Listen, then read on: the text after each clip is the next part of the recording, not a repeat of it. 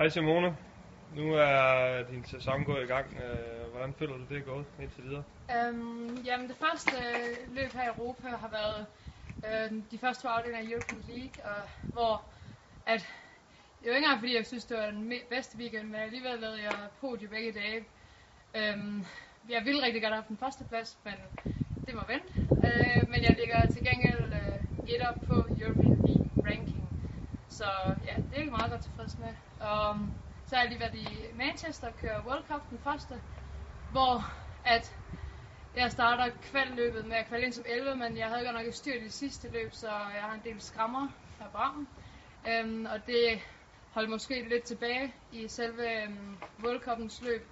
Men jeg sikrer mig alligevel en sikker semifinalplads, hvor at, øh, at min start også sad rigtig godt, og det er det, vi har arbejdet på her i, øh, her i vinter. Og øhm, jeg fik en femteplads, som er så tæt herpå for at ja, få finalepladsen, så jeg er rigtig tæt på, og jeg føler, at mit bundniveau er blevet højt.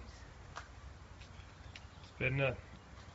Hvad har du af, kommende store opgaver inden for de næste par uger? Eller tre? Øhm, jamen, i- her i weekenden, der tager jeg til European League øh, 3. og 4. afdeling i Frankrig, øhm, hvor jeg skal se, om ja, jeg igen kan lave nogle podiums og gerne holde min øh, første plads på ranking.